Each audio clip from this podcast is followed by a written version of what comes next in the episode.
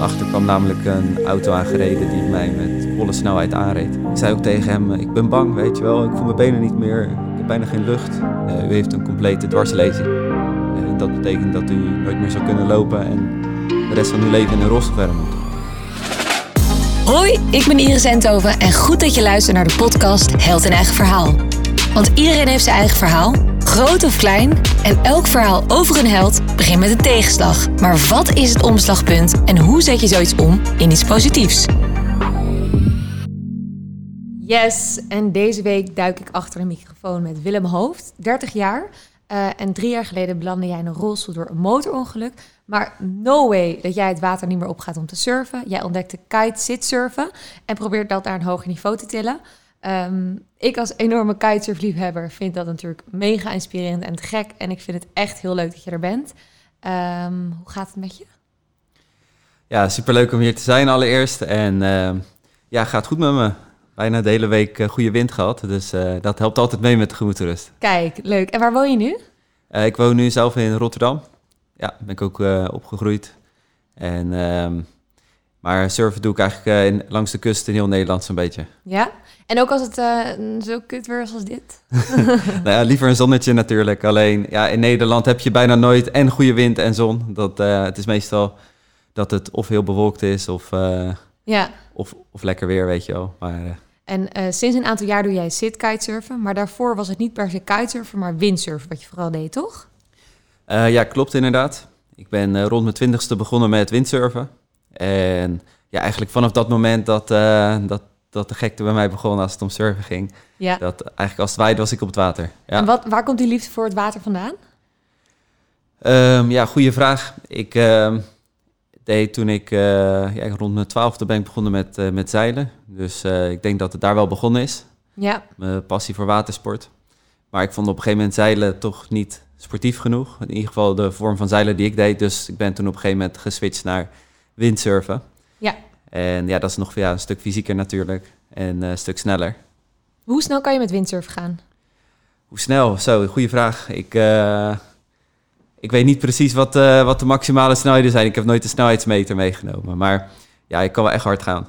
Ik heb ook echt windsurfers gezien die van die, van die uh, sprong in de lucht maakten. Ik vind dat zo sick.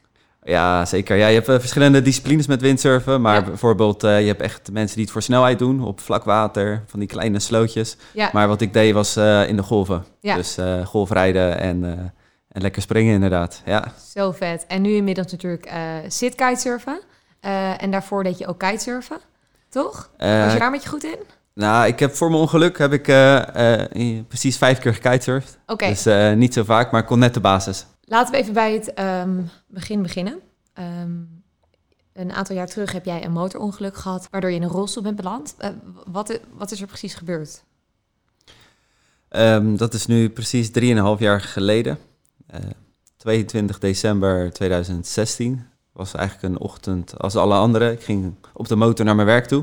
Het was uh, vlak voor kerst en een paar graden boven nul. Ik was dik ingepakt op de motor en ik reed op de snelweg vanaf uh, Amsterdam naar, naar Tata Steel, waar ik uh, toen de tijd uh, elke dag werkte.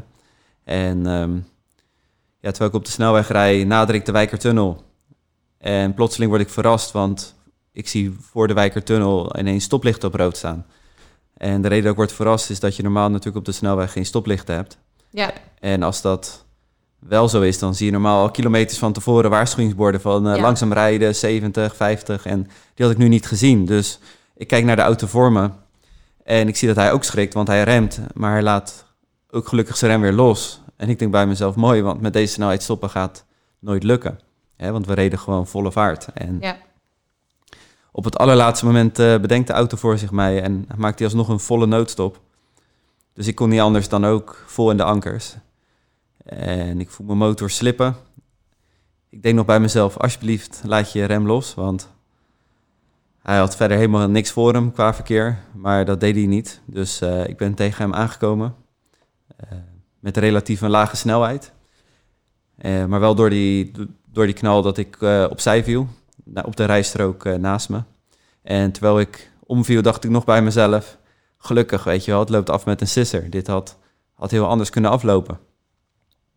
Eh, maar precies op dat moment kreeg ik alsnog de klap van mijn leven. Van achter kwam namelijk een auto aangereden die mij met volle snelheid aanreed.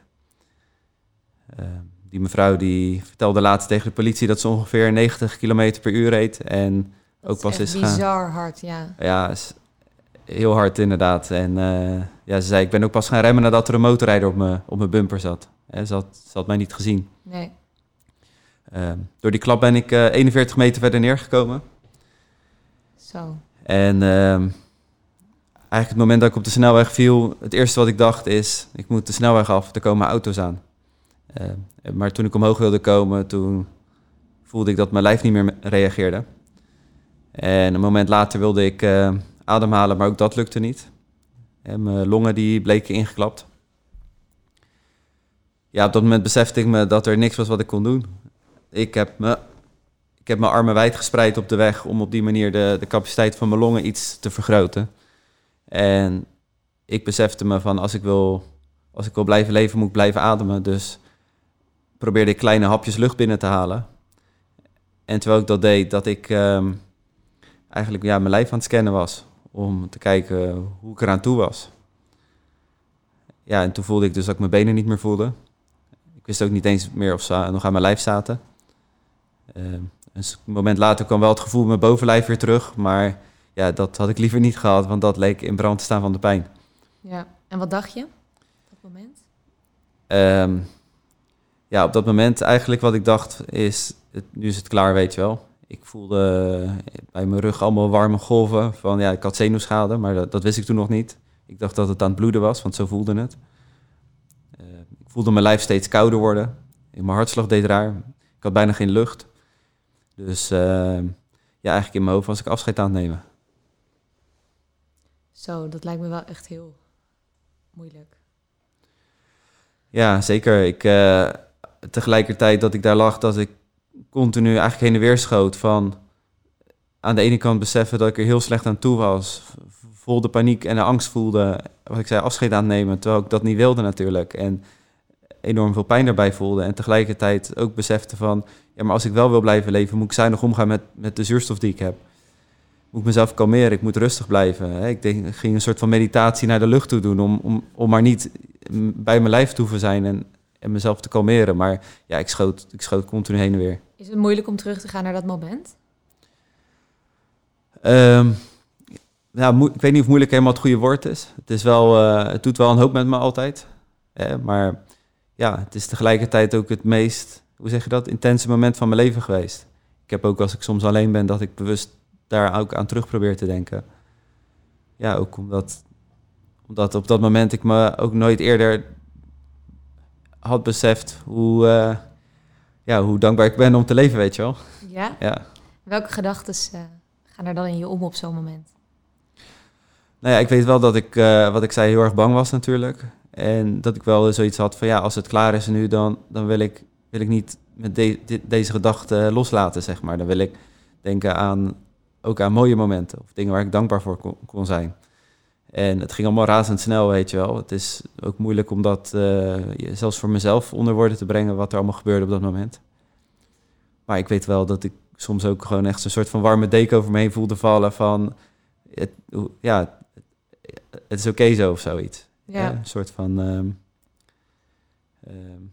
soort van ja, berusting, denk ik. Maar eh, ja, ik heb me daar achteraf wel heel vaak aan terug zitten denken van hoe dat werkt, weet je wel. Ik bedoel, ik denk dat weinig mensen zijn die, die dat meemaken in hun leven. ja. Maar er zijn er wel meer en ik heb er ook wel meer over, meer, ja, van, van andere mensen hierover gehoord. Ja. Dat fucking intens zo'n moment, ja. En dan komt er natuurlijk al redelijk snel mensen die willen gaan helpen. Ja, exact. Op een gegeven moment, eh, ja, het leek voor mij een eeuwigheid te duren. Maar ja, hoe lang dat in werkelijkheid was, dat, eh, dat weet ik niet. Maar op een gegeven moment kwamen er mensen uit de auto's eh, die natuurlijk gestopt waren.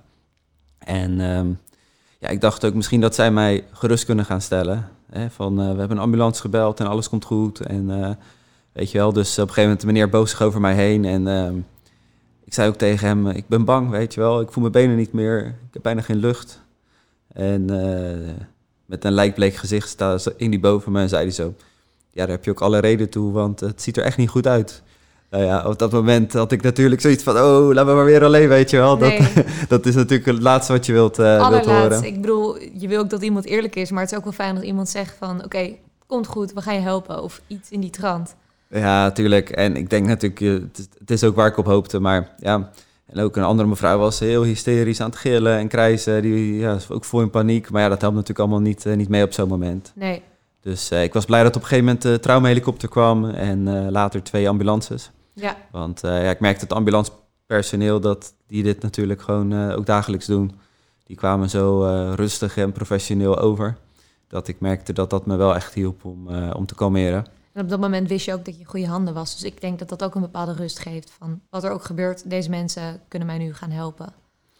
Ja, zeker. Ik weet dat ik daar toen ik alleen op de weg lag, ehm, heel erg op zoek was ook naar iets om me aan vast te houden. Van, hè, en dat ik toen ook dacht van, nou, ik mag blij zijn dat ik in Nederland leef en dat er straks een ambulance komt of zo. Zulke gedachten gingen er door mijn hoofd. Ja, en toen die er eenmaal waren, toen was ik daar ook wel echt, eh, echt blij mee. Al, al merkte ik ook wel weer dat aan hun reacties te zien, ik ook wel besefte dat het wel goed mis was. En waar merk je dat dan aan?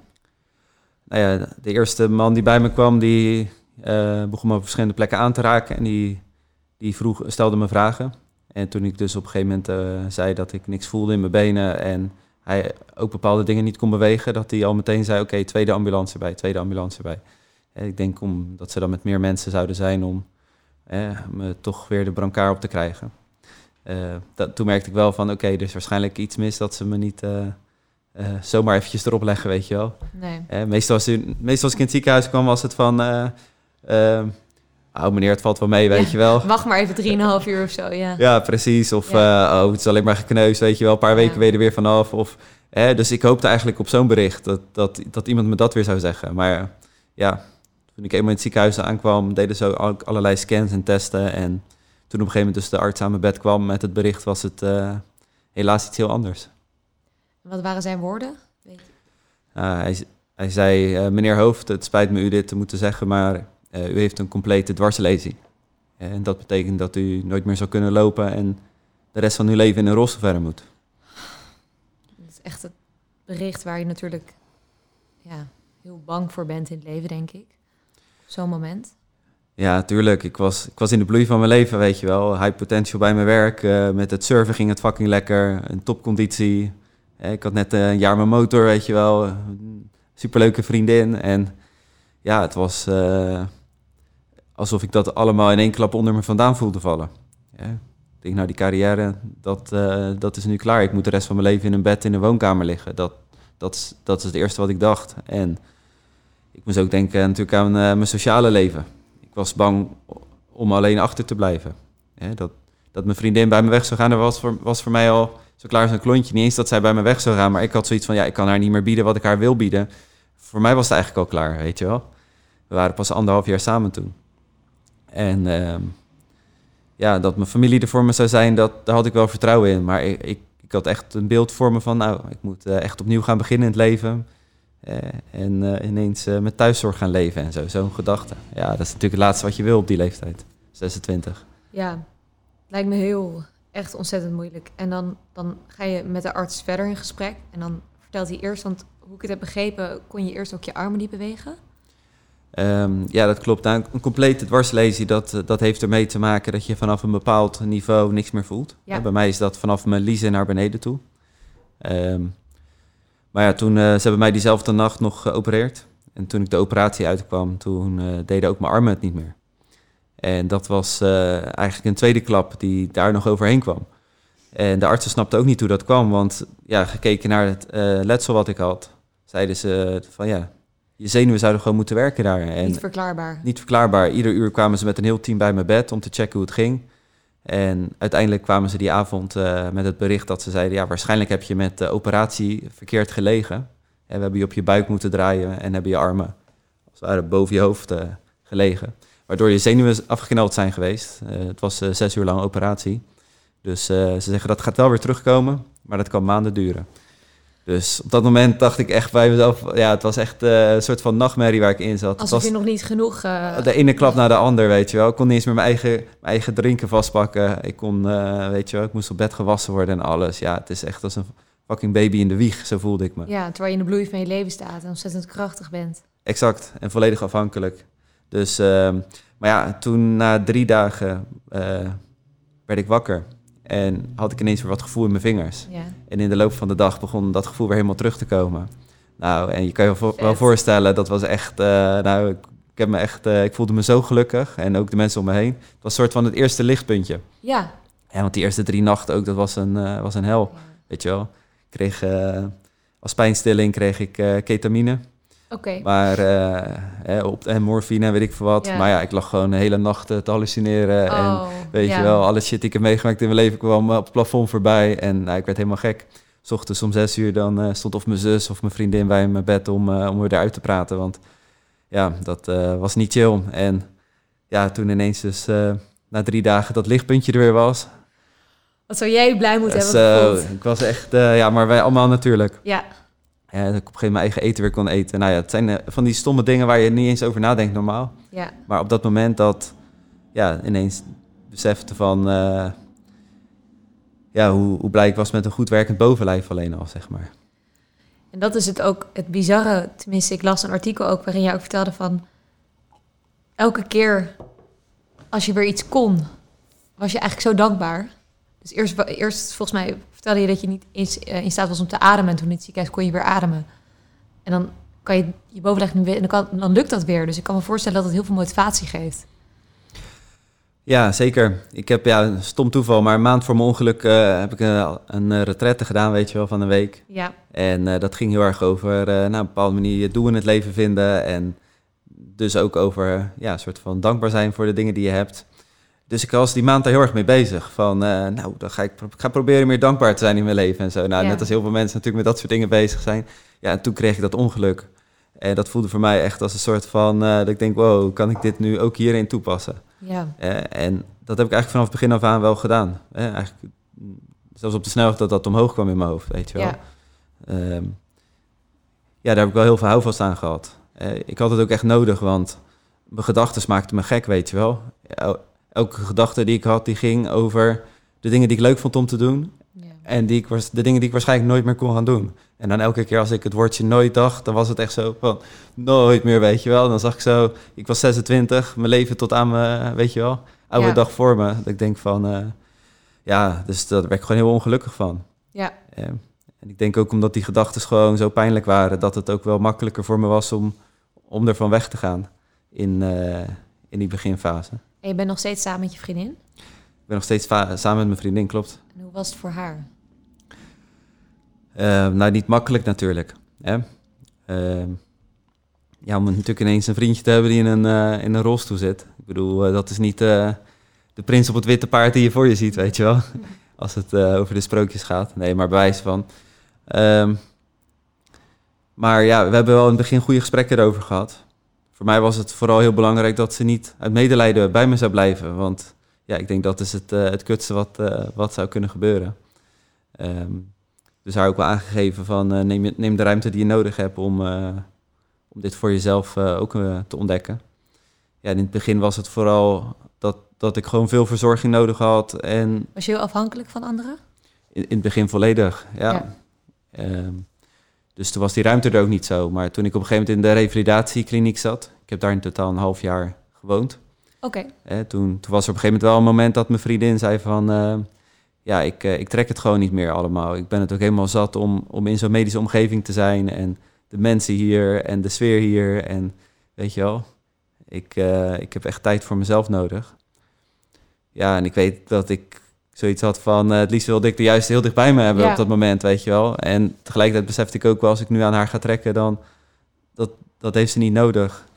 Dus, dus haar ook gezegd van... nou, neem de ruimte die, die je dan nodig hebt.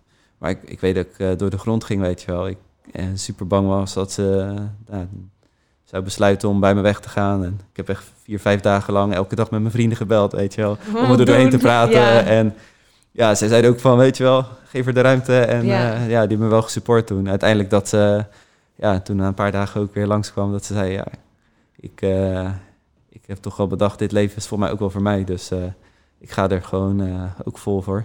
Ja, En ja, dat is voor mij wel echt een super bijzonder moment geweest. heel bijzonder. En heel dierbaar, denk ik ook. Zeker. En, eh, en het is niet dat het daarmee, eh, hoe zeg je dat? Eh, vanaf dat moment alleen maar roosgeur en maneschijn was. Nee. Ik heb ehm, ja, over de jaren heen wel meer confrontaties met mijn handicap gehad. Ja, en dat is voor haar ook elke keer weer opnieuw zo'n moment van, weet je wel. Maar ja, ik denk iedere relatie heeft ze ups en downs, weet je wel. Daarom. En eh, het gevoel dat bij ons nu gewoon alleen de volumeknop wat harder staat. Ja. Dus je zegt, ik heb sowieso met mijn handicap al meer tegenslagen gehad. Ehm, wat voor tegenslagen zijn dat dan bijvoorbeeld? Ehm, nou ja, de meeste mensen die denken bij een dwarslezen vooral aan niet kunnen lopen. Dat is natuurlijk eh, wat je aan de buitenkant ziet. Maar ja, een van de eerste dingen die vaak ook eh, minder gaan werken is eh, ehm, bijvoorbeeld uh, blazen-darmfunctie, maar ook je seksualiteit verandert. Hè, hoe je dat beleeft. Ja. En ehm, eh, iets wat ook veel voorkomt is dat je ja, een soort van doorzitplekken kan krijgen. Dus als je te lang zit. Nou, en ik sport veel, dus ik ben ook, ja, hoe zeg je dat? Iets actiever dan de gemiddelde rolstoelgebruiker. Dus ik heb daardoor ook wel meer kans op eh, dat ik ja, van die doorzitplekken krijg. Ik heb dat op een gegeven moment gekregen nadat ik zes weken in eh, Zuid-Afrika was geweest om te surfen. Ja. En gewoon te veel uren op het water geweest. Nou ja, toen ik terugkwam in Nederland moest ik eh, geopereerd worden eraan. En zes weken lang mocht ik niet zitten. Nou ja, als ik niet kan zitten, dan moet ik liggen. Eh, nou ja, ik kan wel voorstellen van zes weken lang op surftrip in Zuid-Afrika. En allervetste dingen meemaken. Alle vetste Ja. dingen, de wereld aan mijn voeten, weet je wel. Zo. Eh, drie dagen later eh, lig ik in bed. eh, moest ik zes weken lang op mijn buik liggen, weet je wel. Nou, ik kon- Zes weken lang enkel op je buik. op mijn buik en op mijn zij. Ja. Dus ik kon niet eens mijn eigen lichtknopje aandoen thuis. Weet je wel, mijn wereld was van weet ik veel hoe groot naar twee vierkante meter. Ja. En ja, dat legt natuurlijk ook een hoop druk op mijn relatie. Want ja, mijn vriendin is toch degene die met mij eh, in huis zit dan. En ik moet haar heel veel vragen. Ja, en we hebben wel gemerkt van eh, een gezonde relatie. Daarin zijn we vriendje, vriendinnetje, maar Ja. niet eh, verzorger en patiënt. En in zo'n situatie heb ik toch die verzorging ja, nodig. Dus ja, dat is toch wel heel lastig om, om daar een goede balans in te vinden, weet je wel. Misschien een hele moeilijke vraag, maar je zei net van... ik wil niet dat er in mijn relatie ook maar iets van medelijden is. Heb je dat wel eens in het dagelijks leven, dat je daar tegenaan loopt? Dat mensen dat sneller hebben of dat je dat wel of niet, niet wil? Ehm, ja, ik loop er wel eens tegenaan, althans lopen. Eh, ik rol er wel eens tegenaan. Rolling against it. Precies. Dat, ehm, nee, ja, maar ik storm me er niet heel erg aan. Ik, ik merk wel dat... ehm, ik had er in het begin wel dat ik merkte dat de buitenwereld ineens heel anders op mij reageert dan ik gewend was. Ja. Eh, dat op allerlei plekken waar ik kwam, eh, ja, reacties gewoon totaal anders zijn. En soms is dat minder leuk, soms is dat ook juist wel weer leuker. Het is vervelend als mensen vragen wat er is gebeurd. Ja, het hangt heel erg van het moment af en de energie waarvan, waarmee iemand het vraagt. Ik heb wel eens van, ja, gewoon mensen die, die dat wel gewoon een beetje op zo'n, eh, hoe zeg je dat, sensatiezoekende manier vragen. En dan heb ik het idee dat het ja, niet echt eh, uit Oprecht een fijne is. plek is, niet oprecht Ja. is. En dan denk ik wel eens gewoon fuck af, weet je wel. Zeg ik Ja. dan ook meestal Ja. wel gewoon. Maar ja, als mensen er gewoon eh, nieuwsgierig naar zijn en eh, oprecht daarin zijn, dan eh, ja. Ik zeg altijd, je mag alles vragen en als ik geen antwoord wil geven, zeg ik het wel. Dan krijg je gewoon geen antwoord. Ja, Ja, precies. Liever, dan, liever dat dan dat mensen zeg maar brandende vragen hebben, maar het niet durven. Ja. Ik had zelfs echt een paar goede vrienden van mij, die na het ongeluk, ja, ik hun bijna niet, niet, niet, niet sprak, zeg maar. En dat op een gegeven moment ook van, nee, maar ik hoor zo weinig. Ja, en dat ze zeiden van, ja, weet gewoon niet goed wat ik... Ik heb al honderd keer een bericht ge- geschreven en, en weer verwijderd, omdat ik gewoon niet weet wat ik wel en niet moet zeggen. En dat ik zoiets had van, joh, maar ik ben nog gewoon, eh, gewoon, Willem. ja. En, eh, weet je wel, je mag me alles vragen, niks aan de hand. Ik ben nog steeds dezelfde persoon, maar ja, dan... Ja, eigenlijk voor hun, weet je wel, ook zo'n schok was dat ze gewoon... eh, Niet wisten hoe ze ermee om moeten gaan, denk Exact. ik. Ja, en ik neem het ze ook niet kwalijk, want ja, ik bedoel, voordat ik in een rolstoel terecht kwam, ik had ook geen idee hoe dat werkte, weet je wel. nee. En ik kende niemand in zo'n situatie. Dus ja, ik had er ook allerlei beelden bij die achteraf eh, nergens op sloegen. Ja. Ja. Heel raar, maar ik, ik hoorde je aan het begin ook zeggen van... ik heb in mijn leven al heel veel tegenslagen gehad. Voor het ongeluk. Wat is er gebeurd?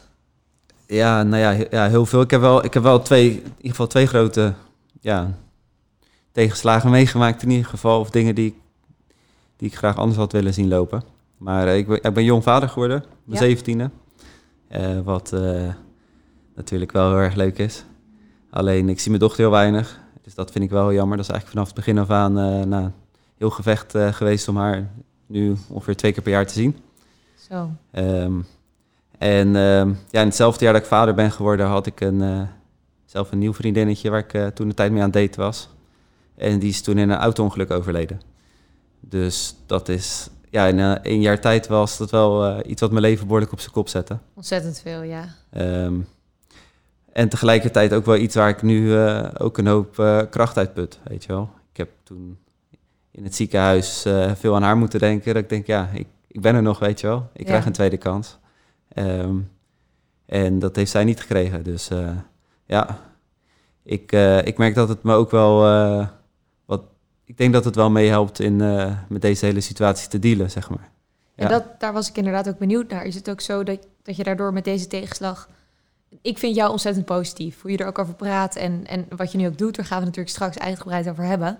Eh, en dat vind ik heel inspirerend en heel mooi. Maar ik vind het nogal wat, wat je hebt meegemaakt. Dus ik kan me ook voorstellen dat het ook... Dat, dat, ja, ik weet niet echt hoe je dat zegt. Dat, ik kan me voorstellen dat misschien dat je sneller kon schakelen in je mind... omdat je al heftige dingen hebt meegemaakt. Ik weet niet of ik dat goed zie hoor, maar... Mhm. Nou, ik denk dat dat wel eh, meehelpt. En tegelijkertijd, eh, ja, het heeft ehm, zoiets als dit had ik ook no- nooit meegemaakt, weet je wel. Dat, dat mijn eigen lijf, zeg maar. En ik was altijd gewoon best wel. eh, ik vond het gewoon belangrijk dat ik er goed uitzag en veel trainde. En eh, om dan ineens een lijf te hebben wat letterlijk kapot is, weet je wel. Dat de helft gewoon niet meer werkt en in het begin eh, helemaal geen contact meer mee hebt. En ja, dat, dat was wel iets van eh, orde die ik zelf nog niet had meegemaakt. Hè? Dat het, ja, niks staat dichter bij jezelf dan je lijf, denk ik. En als dat gewoon ineens niet meer doet wat je wilt. Eh, en dat was in het begin ook. Hè, dat ik eh, soms op een gegeven moment ging. Voor de- ik weet nog dat ik voor de eerste keer rechtop in bed ging zitten. En dat ik gewoon omviel, omdat. Ja, zelfs rechtop zitten kon ik niet meer. Omdat ja, al je reflexen zijn gewend om op een bepaalde manier te werken. Ja. Hè, dus normaal als je omvalt, doe je je been een beetje aanspannen. Of je bilspier of iets. En dat, Ja, dat gaat zo automatisch ja, natuurlijk. Ja, en dat probeerde ik dan, maar dat gebeurde dan niet. En dan viel je gewoon om. Ja, dat is echt zo raar. Dat gewoon, alsof je eigen lijfje in de steek laat. En dat was wel een proces wat ja, in de weken daarna, door te revalideren, maar vooral veel te bewegen en te sporten en te doen. En dan komt er op een gegeven moment ook een omslagpunt. Eh, je bent graag op het water en dan kom je erachter dat iemand eigenlijk volgens mij om de hoek aan sitsurfen doet. Dus vertel, hoe kwam je daarachter? Ja, super toevallig geweest. Toen ik in de revalidatie zat, toen, eh, en het ging steeds beter met me, ineens dacht ik bij mezelf, ja, nu ik eh, weer zelfstandig kan zwemmen en al deze dingen kan, misschien dat ik ook nog wel kan gaan surfen. Dus ik begon eh, mijn zoektocht eh, online om te kijken of er al mogelijkheden voor waren. En kwam er eigenlijk achter dat er vrijwel niks over te vinden was. Ehm, ook aan mijn therapeuten gevraagd van, eh, kan ik dit, kan ik weer windsurfen of kitesurfen of iets in die trant? Die zeiden van, nou, we denken niet dat dat helemaal realistisch is. Nee. Weet je wel, de meeste mensen zijn blij als ze weer kunnen zwemmen met een dwarslesie. Ja, maar dat niveau was jij alweer voorbij. Precies. Ja. En als je dan de zee in gaat, weet je wel, in een storm, eh, code oranje, dat soort dingen. Nou, we denken niet dat dat zo slim is. Ja. Dus ja, we wilden eigenlijk zelf een, ehm, eh, een bord gaan eh, ontwerpen. Ik en een paar vrienden. Ruben Lent was daar ook bij betrokken trouwens. Oh, in de vet. tijd. Ja. En, ehm, ehm, en de week dat we wilden samenkomen voor de eerste keer... in één keer stuurt een vriend van mij mij een video op... en die zegt, Willem, dit moet je zien. En ik kijk die video en ik zie dus een man in een rolstoel... met een dwarslesie die precies deed wat ik wilde gaan doen, weet je wel. Die aan het kitesurfen was, maar dan niet op een plasje, weet je wel... met vlak water, maar echt in hoge golven en aan het springen... en door Ja. de lucht heen. En ik dacht echt bij mezelf... ik wil weten wie deze man is... Ja. en ik wil weten welk bord hij gebruikt, want dit gaat mij gewoon jaren aan ontwikkeling schelen, weet je wel. Ja. En toen zijn we gaan zoeken dus wie hij, eh, wie hij was. Een Fransman. Maar hij bleek in eh, Scheveningen te wonen, op nog geen half uur bij mij vandaan. Te bizar. En ja, te bizar. Dus drie dagen later zat ik met hem op, eh, op de boulevard daar en eh, liet hij zijn spullen zien en legde hij alles uit over, over zijn eigen ontwikkeling. En ja, het was echt als een lotto uit de loterij, want hij vertelde ons ook dat er eigenlijk niemand in de wereld is die eh, ja, op het niveau waarop hij het doet, eh, golfsurfen doet en, eh, en springen. Ja. Dus ja, dat was gewoon eh, fucking epic voor mij, weet je wel. Ja, Dat, eh, jij dacht, ik ga gewoon het water op. Ik dacht, ik ga gewoon het water op. Ja. En eh, hij had alles op zijn maat laten bouwen ook. Dus hij zei van ja, als je zelf een soort gelijk iets wil laten maken, moet je het wel op je eigen maat doen. Maar ik zei, nou, kan ik heel even in je bord proberen, weet je wel, even passen. En ja, we blijken precies allebei 1,80 meter te zijn en Nee, dezelfde joh. heupbreedte. Dus ik zat echt als uh, assenpoester in een meldje, weet je wel. Mocht jij toen in zijn boord ook, ook Ja, gaan surfen? Ik ben toen nog niet het water Oké. op geweest, maar alleen ehm, eh, eh, op te passen, zeg maar. Ja. Ja, want je moet wel eerst eh, best wel wat veiligheidstraining doen. Om, Ja, want je had in principe pas zeven lessen gewoon kiten gehad. Ja, precies. Ge- gewoon, gewoon kite, een paar lessen. En Ja. zit kite heeft wel wat extra risico's. Ja, wat extra risico's zijn natuurlijk, je zit niet in een bord waar je eventueel met je voet uit kan. Natuurlijk, de pro's zitten in een soort van skischoenen. Maar jij zit met je, eigenlijk met je hele onderlichaam vast. Exact, ja. Ik zit echt helemaal op mijn bord vast met allemaal straps. Dus ik kan er ook niet uit.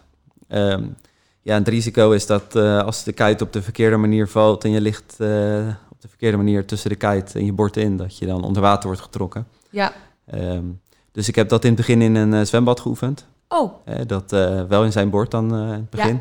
Ja, en dan deden ze gewoon op een gegeven moment ook een touw om me heen draaien, weet je wel. En dan gingen mijn vrienden echt keihard eraan trekken. En dan Ja. werd ik dus onder water getrokken. Ja, en dan oefen je om, om kalm te blijven en met een bepaalde techniek jezelf weer los te maken. Want ja, vet. natuurlijk je kitelijnen om je heen zitten, dan eh, werken ook je safeties niet. Ja. Dus eh, Heb je wel safety daar ook, dat je wel jezelf in een manier kan losklikken? eh, uit het bord op dit Ja. moment niet, nee. Nee? Nee, nee we zijn we wel naar aan het kijken. Ook wel eng. Ja, dat op zich wel. Ehm, maar ja, op zich heb ik ook wel geleerd om als ik val, op zo'n manier te vallen, dat, dat eigenlijk 99 van de 100 keer ik zo weer gewoon opstart zonder al te veel problemen. En ja, ik heb nog niet meegemaakt dat mijn safeties niet werkten. Nee. Oké, dan gaan we daar gewoon vanuit dat, het, Precies. dat het zo blijft.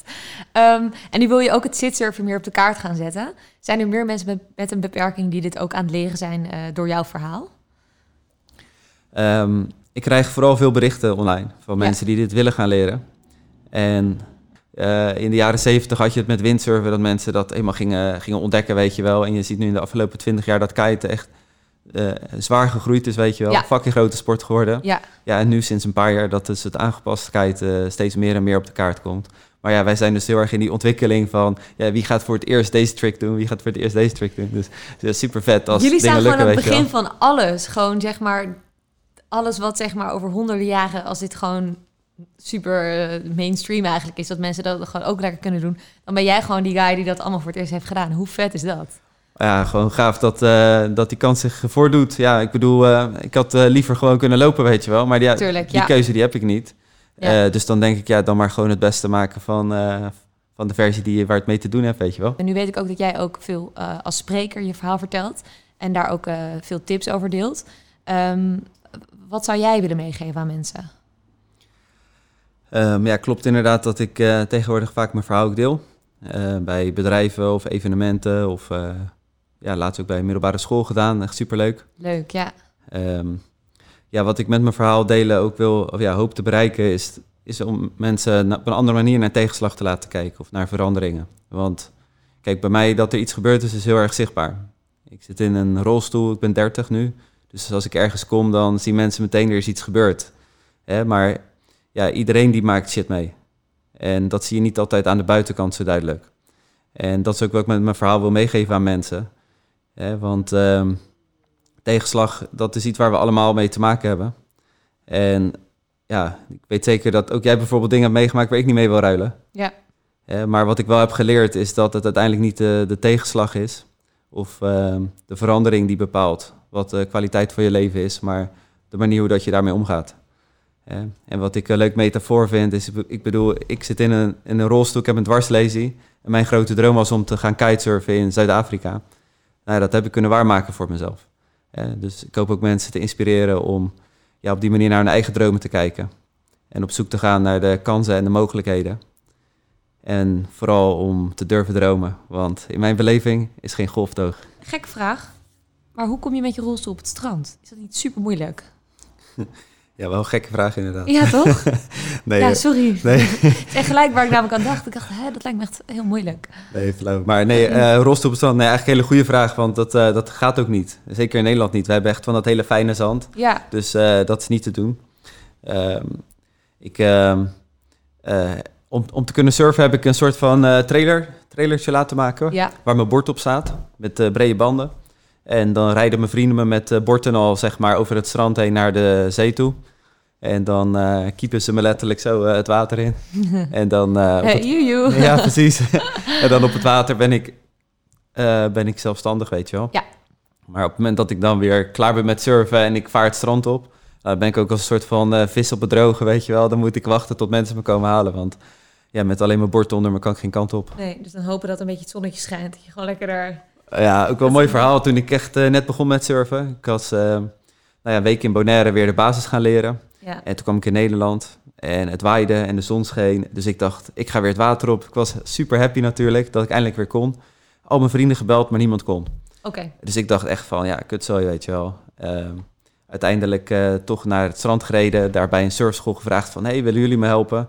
Nou, die keken me aan van, ja, hoe, hoe lang doe je dit al? Ik zeg, ja, ik heb het eh, vorige week geleerd. Ja. Ze zeiden, ja, ik weet niet, wij gaan je niet helpen, weet je wel. We willen die verantwoording niet aan. Nee, en, eh, ja. ja, dus toen zat ik daar zo en ik zie die zon en die wind en die golven. Ik dacht, en ik moet dat water echt, in. ik denk, ik moet dat water in. En tegelijkertijd besefte ik me ook dat ik het pas een paar keer had gedaan. En Ja. uiteindelijk heb ik gewoon aan een paar eh, Duitsers die op het strand waren gevraagd of ze me konden helpen. Eh, die hebben me het water ingeholpen. En met het hart botst het in mijn keel natuurlijk van als alles maar goed gaat. En het ging goed. Ja. Ik heb echt fucking lekker gevaren. Maar door je fucking lekker gevaren. Het lijkt me echt eng, man. Want je wist ook niet of iemand je weer kon helpen terug. Nee, exact. En het was ook gewoon eh, ja, voor de eerste keer weer op zee, weet je wel, met golven en alles. En, maar tegelijkertijd echt, eh, ik had ook zoiets van, fuck it, weet je wel. Ik had gewoon maandenlang die zo kut waren geweest achter de rug, dat Tuurlijk, het me ja. allemaal niet meer zo interesseerde, weet je wel. Dat ik gewoon dacht, ik, ik heb nu de kans en ik ga het doen en ik zie het wel. Eh, onderhand zou ik iets minder risico nemen, maar toen was het toch gewoon allemaal wat... Ja, ik denk dat er wat meer emotie ook bij mezelf bij zat. Tuurlijk, ja. Eh, maar ja, ik kon dus ook niet stoppen. En op een gegeven moment ben ik toch na, weet ik veel, twee uur varen of zo dat ik het water af moest. Maar het was laag water geworden. ja. En er was een zandbank droog komen te liggen eh, tussen de kust en, eh, nou, in ieder geval lang verhaal kort te maken. Ik moest die zandbank over om terug bij het strand te komen. En vroeger had ik dat ook wel eens, maar dan loop je gewoon die zandbank over en ja. dan, weet je wel. En dat kan ik natuurlijk niet meer. Dus eh, ik dacht, fuck, weet je, hoe ga ik terugkomen? Dus uiteindelijk, ik op een golf die zandbank opgevaren. Midden op die zandbank droog stil komen te liggen. ja. En ik kon geen kant meer op. Dus toen zat ik daar, weet je wel, met heel weinig surfervaring op die zandbank. Je met kan je nog een beetje water- de lucht aan houden. Precies, Ja. weet je wel. En ook nog best wel bang voor die kite, want Ja. ik had nog helemaal niet zoveel ervaring met water voor me, water achter me. En ik dacht echt van, hoe kan ik mezelf nou weer in zo'n situatie brengen, weet je wel. Ja. Met fucking verlamd blijven. En nou ja, uiteindelijk heb ik daar iets van 20 minuten eh, gezeten, echt eh, zwaar paniek. En Ja, ik snap dat. ik toen kwamen er twee jongens langs gesurfd van, eh, gaat alles goed? Ik zo, nee, nee.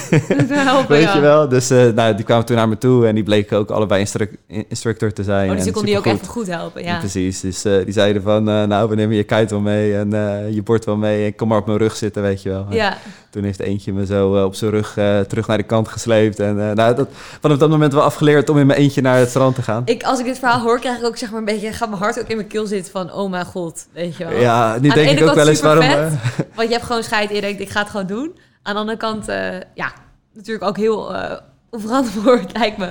Ja, ik zeg, wat ik zeg, weet je wel, ik hou van risico's nemen, maar niet meer van dit soort onnodige risico's. Nee. Hè?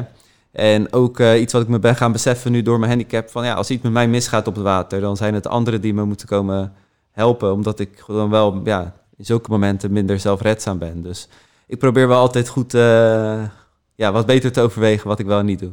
Wat is je ultieme droom? Dat vind ik een leuke vraag. Dat, eh, mijn ultieme droom, ja, dat was ten tijde van mijn ongeluk om, om naar Zuid-Afrika te gaan en weer te leren surfen en daar op de mooiste golven ter wereld te surfen. Nou, dat heb ik onderhand eh, nu de afgelopen twee jaar kunnen doen. Zo vet. Dat eh, heel kicken. Ja. En ehm, ja, op dit moment ook professioneel kitesurfer geworden. En mijn, gro- mijn grote droom nu is om samen met de merken die me sponsoren... mooiste reizen te gaan maken over de wereld. En aan de wereld te laten zien wat de mogelijkheden zijn voor een surfer in een rolstoel. Ja, maar niet alleen daarmee andere mensen in een rolstoel te inspireren... maar juist ook andere mensen om echt je dromen na te jagen. ja, En iets wat ik zelf heel graag wil doen is naar Hawaii toe. Je hebt daar echt van die fucking hoge golven, big wave surfing. die golven daar zijn, nou ja, eng, maar wel vet. Ik ben vorige week in contact gebracht met eh, een jongen die daar dus eh, woont, pro, een- pro-rijder ook. Ja, Dus eh, ja, ik eh, moet er nog wel even een paar keer over nadenken en goed trainen. Maar Ja. het lijkt me heel vet om te gaan doen. zijn er ook kampioenschappen? Eh, voor sitkiten nog niet.